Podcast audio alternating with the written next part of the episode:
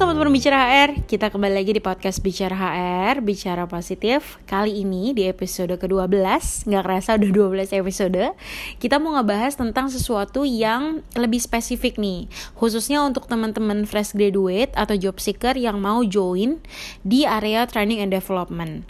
Pertanyaan besarnya adalah, apakah semua training development officer uh, ataupun level selanjutnya gitu ya supervisor atau manager adalah sekaligus seorang trainer pertanyaannya adalah itu. Karena banyak sekali kayak pertanyaan yang muncul kira-kira ngapain sih kalau training development officer uh, kerjanya? Apa memang ngasih training ya? Karena kan kita minim pengalaman baru lulus belum ada pengalaman dan lain-lain. Oke kita langsung uh, bahas aja ya ke pertanyaan besarnya, apakah semua training development officer uh, harus mengajar training atau mengajar sebagai seorang trainer? Jawabannya adalah belum tentu. Tapi masih ada kemungkinan juga harus melakukan sebagai seorang trainer. Nah, gini, kita coba klasifikasikan dulu ya. Kalau pekerjaan seorang training development officer, bagi teman-teman yang fresh graduate ya, yang mau jadi TND officer, kira-kira apa sih kerjaannya? Kerjaannya itu yang paling utama pasti adalah membuat aktivitas training, pengadaan training. Jadi kayak uh, rencana training tuh mau ada apa aja, itu sudah pasti TND officer akan mengerjakan. Akan ada supervisi dari supervisor atau atasannya. Dari situ juga teman-teman akan menurunkan dari yang tadi ya um, training activity plan setelah membuat. Kemudian teman-teman akan menurunkan ke dalam proses kayak uh, trainingnya mau internal atau eksternal ya? Harus pakai vendor uh, atau training uh, dengan trainer internal uh, perusahaan boleh ya? Nah itu di schedulein jadi kayak mau trainingnya apa aja kemudian bisa diagendakan di internal atau harus pakai vendor eksternal kantor ya gitu. Nah dari situ kan teman-teman akan kayak nurunin akan bikin budget pengadaan trainingnya seperti apa. Kurang lebih itu adalah proses preparation dari sebuah training Nah, nanti setelah training itu uh, apa namanya pengajuannya di approve oleh perusahaan, apa sih yang harus dilakukan gitu ya? Yang harus dilakukan oleh TND officer itu biasanya adalah mem mempersiapkan jalannya atau proses sebuah training berlangsung. Dari mulai preparation peserta kemudian kayak uh, kirim email invitation um, yang hal kecil kayak ngeprint uh, daftar hadir peserta kemudian datang lebih awal untuk preparation on the spot uh, ruangannya sudah ready atau belum um, makanan jika ada ya makanan training jika ada itu sudah disediakan atau belum dan lain-lain. Nah itu sebagai uh, supporting operationnya. Kalau sebatas hanya sebagai TND officer and supporting operation berarti yang kamu lakukan adalah itu gitu ya kayak mengcreate sebuah training dari mulai planning, preparation sampai training itu berlangsung. Nah, pertanyaannya adalah ada nggak kira-kira hal lain yang dikerjakan oleh TND officer? Bisa jadi ada, karena setiap perusahaan itu kayak punya kebutuhannya beda-beda. E, memposisikan job load dan job scope-nya dari TND officer itu akan beda-beda. Nah, bisa jadi kamu akan akan menjadi TND officer yang banyak masuk benar-benar di area training and development uh, bukan hanya sebagai operation and support system tapi menjadi core sistemnya. Kayak kamu bikin materi training dan kamu diberi kesempatan untuk mendeliver training itu sebagai seorang trainer gitu. Jadi ini dua hal yang berbeda ya teman-teman. Bukan berarti TND officer yang tidak mengajar sebagai trainer adalah TND officer yang tidak berkualitas. Tidak. Jadi tergantung dengan kebutuhan perusahaan dan uh, bagaimana perusahaan melihat job load dari si TND officer ini.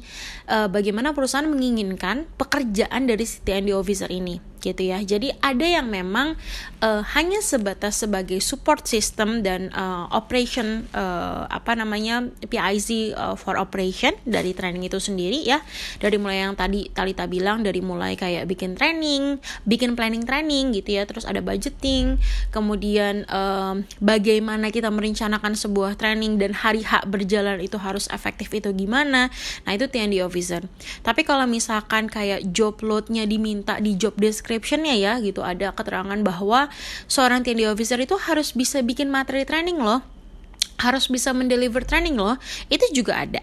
Jadi tergantung dengan kebutuhan perusahaan. Nah ini tentunya akan align nih dengan uh, position uh, position requirement dari posisi tersebut kalau yang diminta hanya TND officer yang hanya mengcreate sebuah training kemudian melakukan uh, support system untuk operation trainingnya, berarti requirementnya hanya itu. Mungkin fresh graduate saja bisa uh, bisa welcome to apply gitu ya. Tapi kalau yang diminta adalah orang yang bisa membuat sebuah materi training, kemudian bisa mendeliver sebuah training dengan sesuai levelnya, Nah itu biasanya yang diinginkan adalah pengalaman tuh minimal satu atau dua tahun di posisi yang sama gitu teman-teman ya. Jadi harus diketahui dulu nih kira-kira job requirement atau job descriptionnya apa sih untuk TND officer yang teman-teman apply di perusahaan tersebut? Karena honestly tidak semuanya sama. Kalau misalkan yang hanya tadi Talita bilang mengurusi um, persiapan administratif dari mulai training activity plan kemudian training budget plan kemudian uh, how to create trainingnya pengadaan eventnya penyediaan ruangan, makan, uh, peserta dan lain-lain. Nah, itu bisa jadi teman-teman fresh graduate pun itu welcome to apply karena bisa dilakukan learning by doing.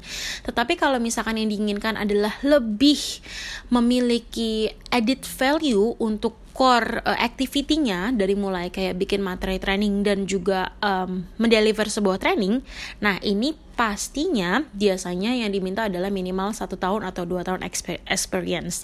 Jadi bukan yang mm, teman-teman fresh graduate langsung apply gitu. Kenapa? Karena memang tadi ada skill yang digunakan di situ. Skill itu didapatkan dari experience dari waktu teman-teman belajar, melihat teori, mengaplikasikan. Nah, makanya dibutuhkanlah yang experience minimal 1 sampai 2 tahun. Kalau misalkan teman-teman masuk uh, dengan posisi fresh graduate dan hanya mengerjakan operation saja kayak persiapan administrasi dan lain-lain, mungkin nggak tiba-tiba harus diminta menjadi seorang uh, trainer atau membuat materi. Itu sangat mungkin terjadi. Bisa jadi karena teman-teman dilihat memiliki capability yang cukup besar untuk melakukan yang perusahaan inginkan. So, uh, berikan uh, performa excellence saja untuk perusahaan. Karena kan HR juga akan melihat seberapa besar sih kamu kompeten the right man in the right place untuk posisi yang diinginkan. Gitu. Jadi kalau dengan yang uh, yang operation sudah berjalan dengan mulus terus kayaknya kapasitas anak ini masih besar nih masih bisa nih diajarin untuk bikin materi training dan mendeliver training nah bisa kemungkinan tuh setelah satu tahun kerja gitu ya uh, dikasih uh, job tambahan sebagai bentuk uh, self development untuk kamu tentunya supaya bisa bergerak atau bergeser mengerjakan core activity-nya dari training and development officer. Gitu teman-teman, semoga bisa membedakan ya. Jadi kalau yang baru-baru uh, mau lulus nih terus kayak kebayang ah pengen ngajar uh, training nih gitu. Kira-kira gue bisa nggak ya? Atau pengen join di training development officer nih gitu. Kira-kira sesuai nggak ya? Nah mungkin ini uh, podcast di episode 12 kali ini bisa ngebantu teman-teman untuk lebih memahami lagi kira-kira apa pekerjaannya dan harus ngajar atau enggak gitu ya.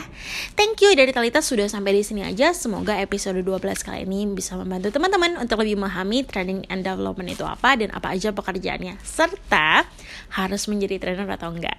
Thank you, keep healthy, happy, and bye.